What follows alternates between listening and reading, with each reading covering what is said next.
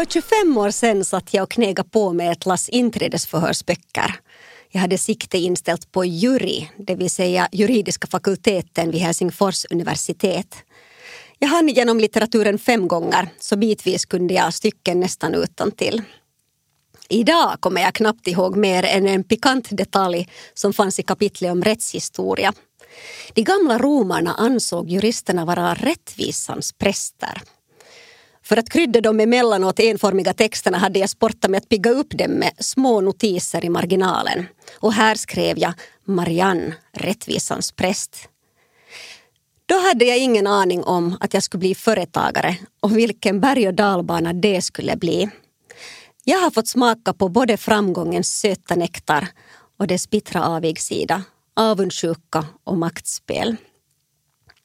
Jag heter Marianne Sarko Jansson, är grundare av börsnoterade juristfirman Fondia och er sommarpratare idag. Jag blev jurist tack vare att min mamma inledde sin ihärdiga hjärntvätt av mig då jag var tonåring. Mamma hade skilt sig från min pappa då jag var tolv och hon var mycket fokuserad på kvinnors självständighet och försörjningsförmåga. Varje gång jag antydde minsta intresse för en konstnärlig bana var hon kvick att påminna om att ett jobb måste försörja en. Det irriterar mig då, men på senare dagar har jag insett omsorgen i hennes pragmatiska hållning. Som ung hade jag lätt för mig i skolan. Jag var intresserad av det mesta och dessutom mycket pratsam. Mamma räknade då ut att juridiken med sin verbalitet och fokus på argumentation skulle passa mig. Efter några år av principiellt motstånd började jag också tycka att det lät bra. Juridiken var ett solklart, säkert kort. Att bli jurist skulle öppna många alternativa karriärstigar. Jag måste också medge att det då kändes viktigt att det var en utmaning och en viss status på att bli antagen. Ett bombsäkert sätt att få omgivningens acceptans och hejarop. Det är ironiskt att jag sedermera jobbat nästan uteslutande med helt andra uppgifter. Försäljning, marknadsföring och kommunikation. Ändå så ångrar jag inte mitt yrkesval. Juristrollen gav mig en trygg plattform att experimentera utifrån.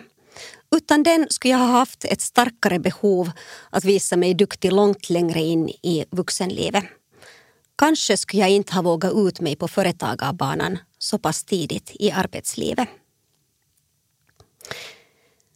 Som färskbakad jurist blev jag rekryterad till en anrik uppskattad advokatbyrå. Till en början var jag smickrad och förtjust. Efter ungefär tre månader insåg jag att jag aldrig skulle kunna bli mitt bästa jag på ett sånt ställe. Det var inget fel på byrån. Uppdragen var intressanta, jag fick massor av ansvar och kollegorna var smarta. Jag vill vara tydlig med att jag som biträdande jurist aldrig uppfattade att jag skulle ha blivit diskriminerad för att jag var kvinna. Jag tror att kvinnor lättare respekteras som konsulter än som mellanchefer. Expertis värdesätts alltid, oberoende av om den sitter i en mans eller kvinnas huvud.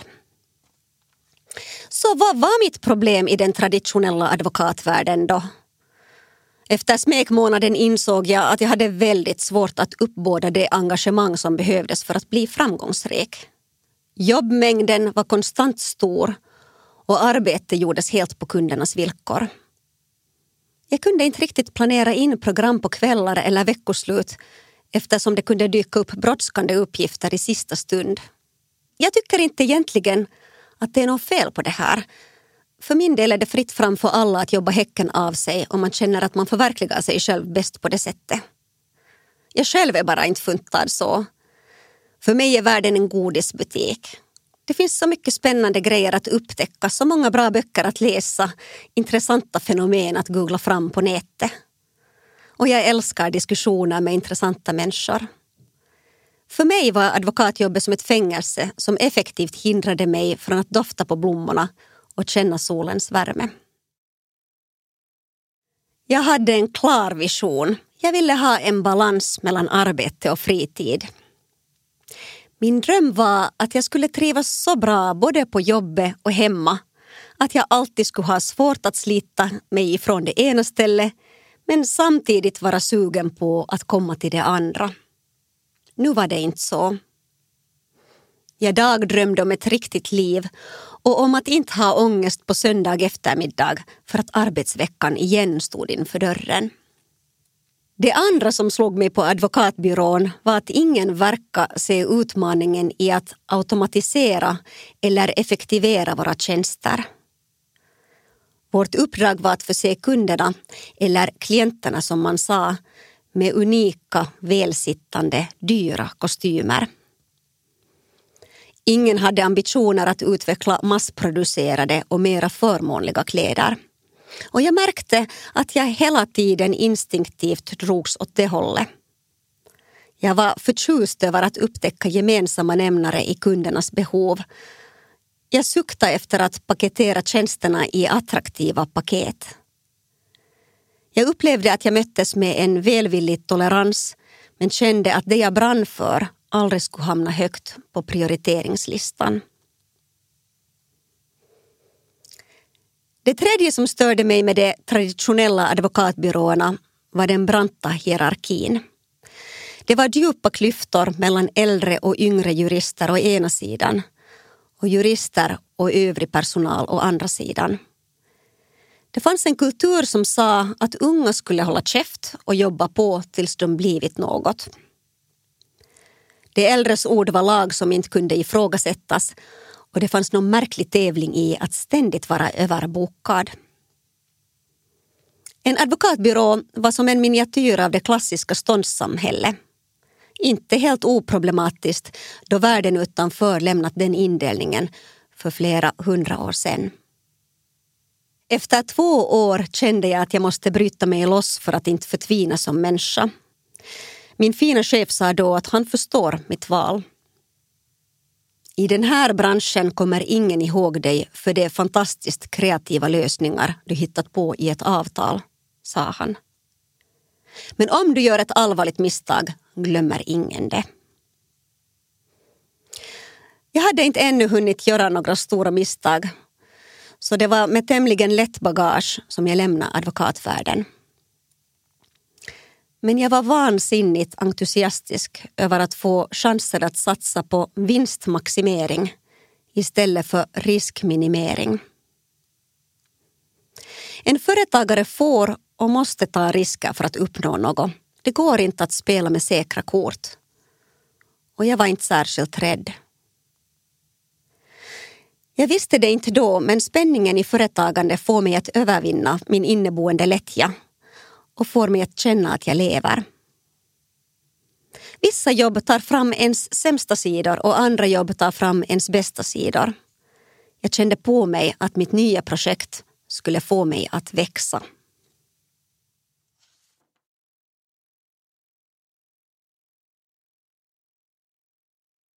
När affärsidén drabbade mig första gången blev jag skraj och jag slog ifrån mig tanken. En juristfirma som skulle bygga på modigt nytänk som inte skulle buga för traditioner för traditionernas skull. Den skulle välkomna automatisering och produktifiering av tjänster. Den skulle bygga på en frisk och positiv företagskultur där alla medarbetare skulle kunna må bra som människor. En skälig arbetsinsats skulle vara god nog. Jag kunde inte bestämma mig för om det var en utopi eller svinenkelt i sin självklarhet. En röst inom mig malde. Ifall det skulle vara möjligt så skulle nog någon smartare ha gjort det redan, eller hur? Som tur var hade jag Totte, min kära make. Han hade gjort kometkarriär på en annan välrenommerad advokatbyrå och några år tidigare avancerat till delägare. Han var jäkla bra på det jag inte stått ut med och smälte därför bra in i den traditionella advokatvärlden. Men samtidigt var han oerhört sugen på förnyelse han med. Vi började gå på långa promenader. Jättelånga promenader, upp till fyra timmar i sträck. Och vi pratade på i ett om hur vi skulle vilja förnya juristbranschen ifall vi fick drömma fritt. Vi började fundera på om det trots allt kunde vara så enkelt att allt såg ut som det såg ut på, på grund av att ingen hade iddats eller behövt tänka annorlunda. Och kanske var det inte alls en naturlag som bestämde att det såg ut som det gjorde. Branschen var mycket lönsam i sin traditionella form, respekterad och konjunktursäker. Juristerna var i allmänhet människor som trivdes med att göra sitt hantverk i fred, med den enskilda kunden i centrum. Få var inspirerade av ingenjörstänk. Kanske vi hade upptäckt en så kallad blå ocean utan några konkurrenter alls. Vi grundade våra drömmars juristbyrå i januari 2004 och döpte vår första baby till Fondia. Namnet Fondia härstammar från den latinska benämningen för grund, plattform, bas.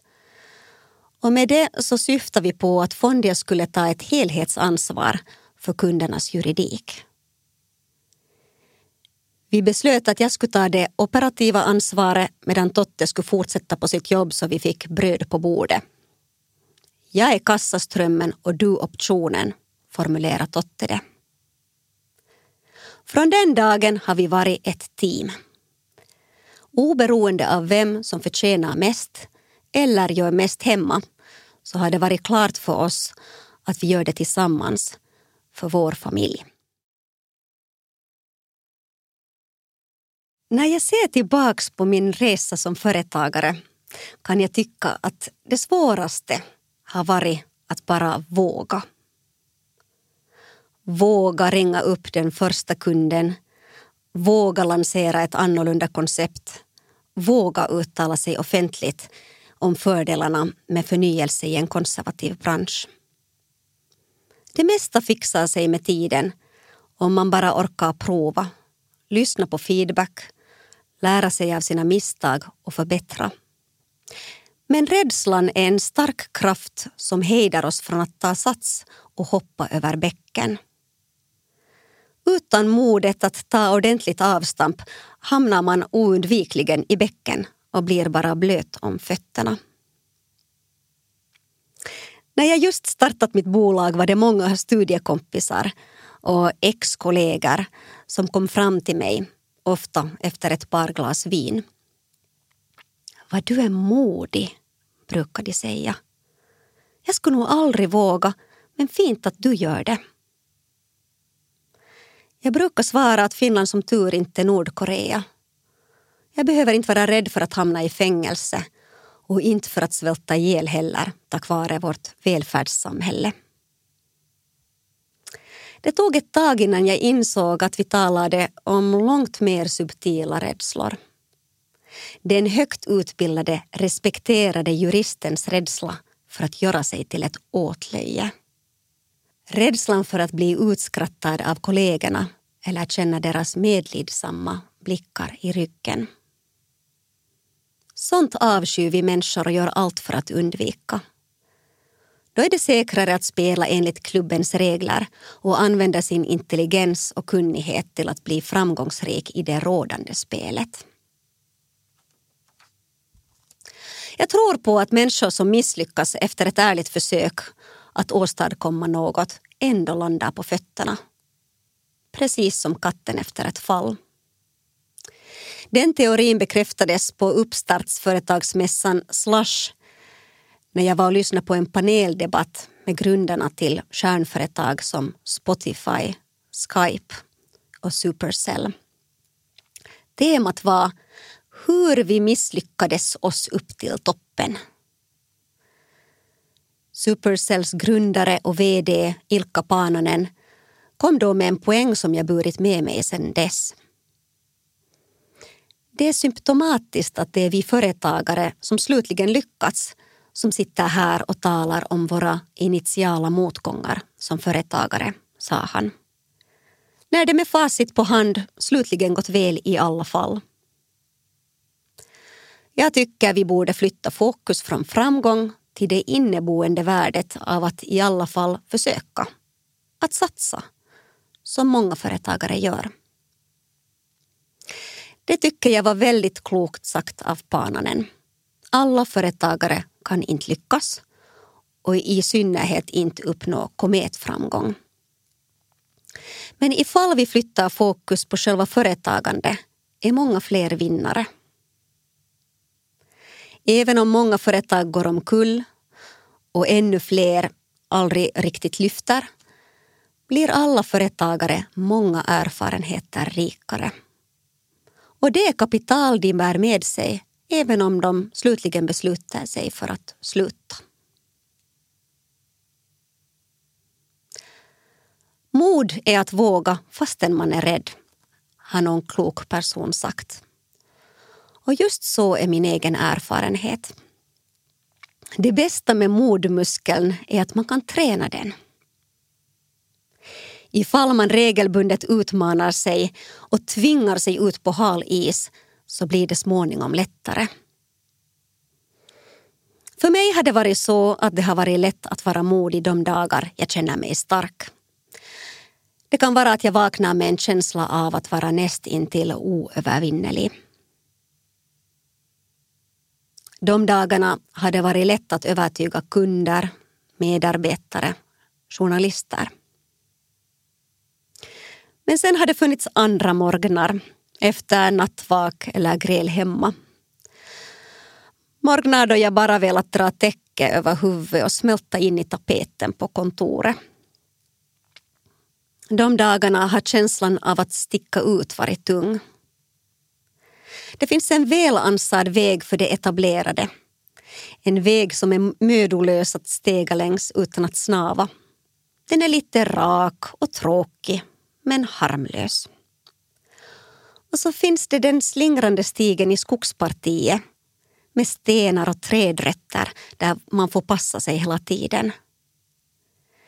Det fina med att välja den stigen är att man hela tiden får lov att vara närvarande i nuet. Förströdda steg leder lätt till att man stiger snett och ådrar sig en försträckning. Jag heter Marianne Sarko Jansson och det har hänt också mig. Det som hjälper på den svårare men mera spännande vägen är om man är fler. Om kollegorna stöder en istället för att stjälpa en. En av de viktigaste sakerna vi lyckats med på vårt företag är nog en unik företagskultur. En frisk företagskultur leder till en positiv spiral. Det starka förstärks och lockar till sig fler bra människor. Att lyckas skapa en fantastisk arbetsplats var den tredje hörnstenen i det ursprungliga manifestet vi skrev ner för vårt företag. Med facit på hand skulle det ha stått först på listan. Som företagare är det lätt att man känner sig väldigt ensam. Allt står och faller med en. Man klarar det de dagar man är stark och rustad för utmaningar. Men ack, de morgnar man masar sig upp efter nattvak och med en stress som slår lock på kreativiteten. Då är det ovärderligt att ha en likasinnad, motiverad flock att söka sig till på morgonen. Ett ställe där man känner sig välkomnad och uppbackad. Lyckas man med det så blir det så mycket lättare att anta sig de utmaningar som man oundvikligen kommer att möta på företagarvägen. Vad var då vårt recept för en fantastisk arbetsplats?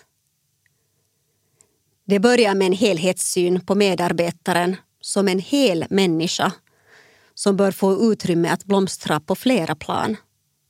Inte bara det professionella. Vi tror på en grundläggande balans mellan arbete och fritid att det är tillräckligt att i snitt göra en 40 timmars arbetsvecka.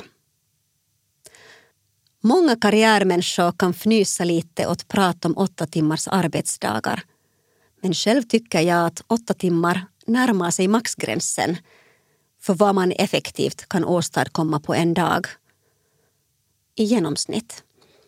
Om man tänjer sig långt utöver det minskar marginalnyttan småningom av den insats man får till stånd. I samhället finns en viss förståelse för att småbarnsföräldrar kan ha ett behov att åka hem i tid från kontoret. Men jag tycker den förståelsen borde gälla människor överlag. Alla mår bra av att hinna sova tillräckligt, hinna umgås med vänner, hinna ha hobbyer. Som princip låter väl det här rätt så självklart. Men vad är det som gör att så många företag kör mycket hårdare än så med sina anställda? En orsak är vanlig hederlig girighet. En arbetsinsats på två extra timmar per dag innebär ett trevligt tillskott i kassan på sikt. En annan orsak är att det är svårt att lyckas anställa tillräckligt kunnig och erfaren personal till professionella tjänsteföretag. Och det blir inte lättare av att ryktet om omänskliga arbetsvillkor sprider sig snabbt vilket i sin tur stöter bort många av dem som har råd att välja. Då är man fångad i en negativ spiral som är svår att bryta. Vi attraherades inte av idén om att pressa ut det mesta möjliga ur våra medarbetare som är kutym på många advokatbyråer. Vi var ivriga över möjligheten att bygga upp en modern juristfirma på hållbara principer. Det hade också att göra med att vi inte ville bygga en partnerägd organisation utan ville att ägande och arbetsinsats skulle vara separata från varandra. Vi ville locka seniora, erfarna jurister som tröttnat på glamouren i den stressiga advokatvärlden att ansluta sig till oss. Vi ville låta folk jobba som det passar dem bäst. Deltid, på distans, i team som stödde dem. Vi ville tillsammans bygga upp en företagskultur som bär över svårigheter som både företaget och medarbetarna oundvikligen kommer att möta. Vi ville att Fondia skulle bli ett ställe som ger människorna kraft istället för att ta det. Vi tyckte att det räcker väl med att ha en stabil tillväxt och skälig vinst per år. Vi såg det inte som ett misslyckande eller något mediokert att nöja oss med en mer moderat avkastning. Vi såg det som en möjlighet att bygga något över åren hållbart företag som inte ständigt skulle vara utsatt för interna slitningar för att tempot var för högt.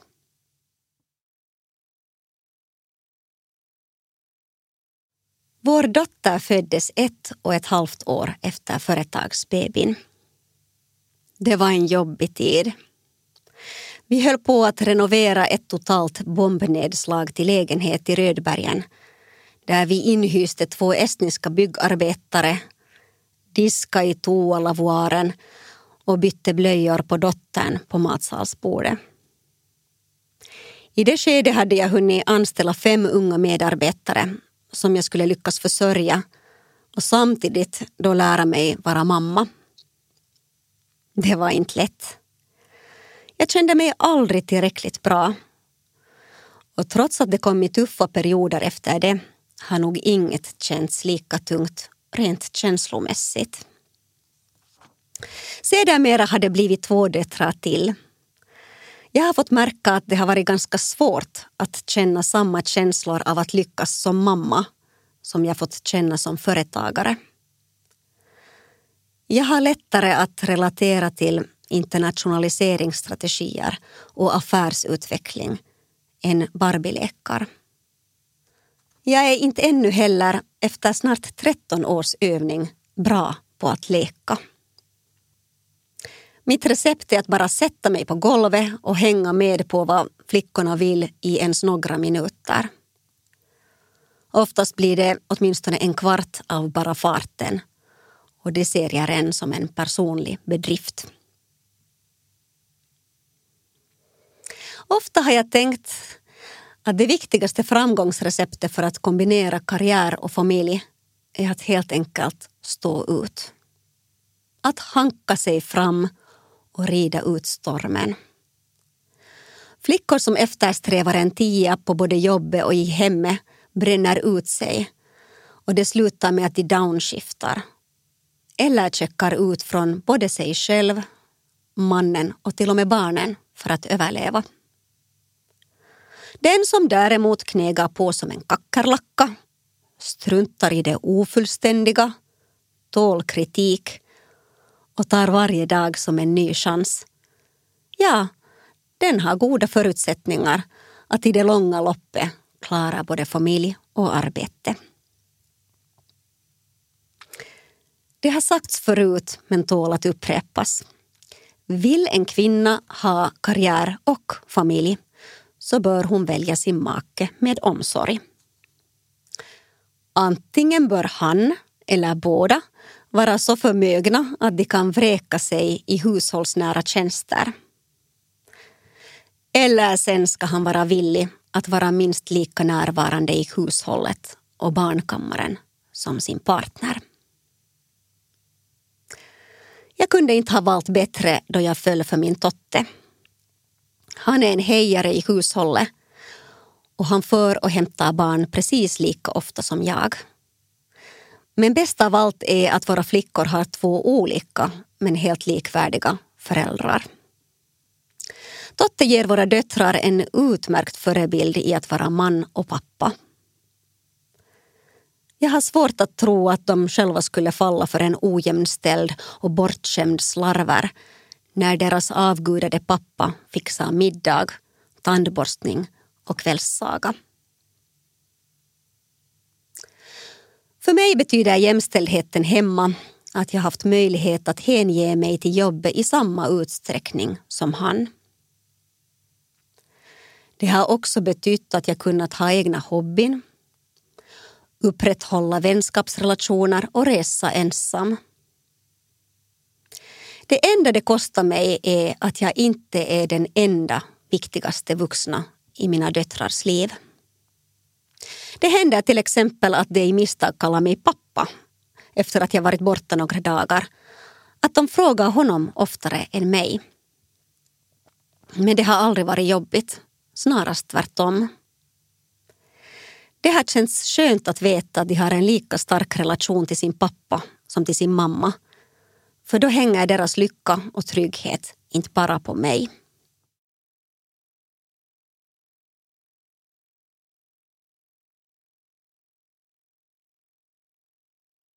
När det går riktigt bra så kommer kraschen oväntat. I höstas fick både Totte och jag oväntat gå från vårt företag efter händelser som än i denna dag känns absurda. I dagsljuset spelades ett spel medan ett annat förbereddes i bakrummet. Det kändes overkligt. Som om jag ramlat in i en sämre klassens Hollywoodfilm. Än har hela händelsekedjan inte klarnat utan det är något vi behöver få utrett. Min livsfilosofi är den att även om det är jobbigt att vända på stenarna och vädra ut unken luft så är det värt i slutändan. Jag tänker inte sitta i gungstolen som 90-åring och ångra att jag inte stod upp och krävde svar. Att bli utslängd från det företag man grundat och byggt upp med blod, svett och tårar är naturligtvis traumatiskt. Hösten var en riktigt jobbig tid. Det kändes väldigt svårt att känna sig sviken av personer man litat på. Det var ett slag mot den egna grundtryggheten. Jag skulle inte ha valt det som skedde eller välja det på nytt. Så ont gjorde det. Men inget ont som inte för med sig något gott. Vi fick oerhört mycket stöd av kollegor, vänner och naturligtvis familj. Min egen mamma och pappa stod för några av de visaste orden. Mamma konstaterade att det är en nyttig lärdom för mig om att framgången har en baksida att det blåser på toppen. Och pappa tyckte att vi skulle se det som skedde som en komplimang också. Att bolaget blivit så värdefullt att en maktkamp hade startat om det. Jag fick också påminna mig om att det trots allt bara var frågan om ett företag. Att alla i familjen var friska och mådde bra. Det som hände oss är inte på något sätt unikt. Det händer hela tiden i företagsvärlden och kuvar många människor. Min sista arbetsdag i slutet av april skulle jag stå på scenen på ett evenemang för de mest inflytelserika kvinnorna i affärslivet. Jag skulle tala om hur jag grundat företaget, varit med om att notera det på börsen senaste vår och så skulle jag avsluta med någon aktuell utmaning jag tampas med. Jag funderade en god stund på hur jag skulle tackla det sista ämnet. Det var inget problem för mig att dra framgångssagan. Men utmaningen skulle jag avrunda med något luddigt om hur företagen nu håller på att internationaliseras eller utmaningen med att digitalisera verksamheten ytterligare. Jag beslöt mig för att säga sanningen. Jag ville inte ge efter för skammen att medge att jag blivit utslängd. Jag ville tala ut för alla de människor som bryskt får uppmaningen att lämna sitt jobb trots att de inte gjort något fel. Det har sagts många gånger för allt blir lättare av att tala öppet om det. Efter att jag avslöjat sanningen behöver jag inte längre svara undvikande på frågor. Behöver inte längre snabbt gå över till nya samtalsämnen. Och det har varit en stor lättnad. Det här är mitt lilla visdomsbidrag till unga kvinnor. Låt inte någon trampa på er. Sug inte åt er skammen. Stick ut hakan och säg, så här gick det. Jag tycker inte jag förtjänar det och jag ger inte upp utan kamp. Och jag tänker visa er att jag kommer igen. Kära lyssnare, jag, Marianne Sarko Jansson, var er sommarpratare idag. Det har varit roligt att få prata om vad jag lärt mig som kvinna både i arbetslivet och familjelivet. Sommaren är ett viktigt avbrott i en oftast hektisk vardag. Ta vara på stunderna i hängmattan. De är värdefulla, inte minst för att ge kreativiteten utrymme. Jag önskar er en härlig fortsättning på sommaren.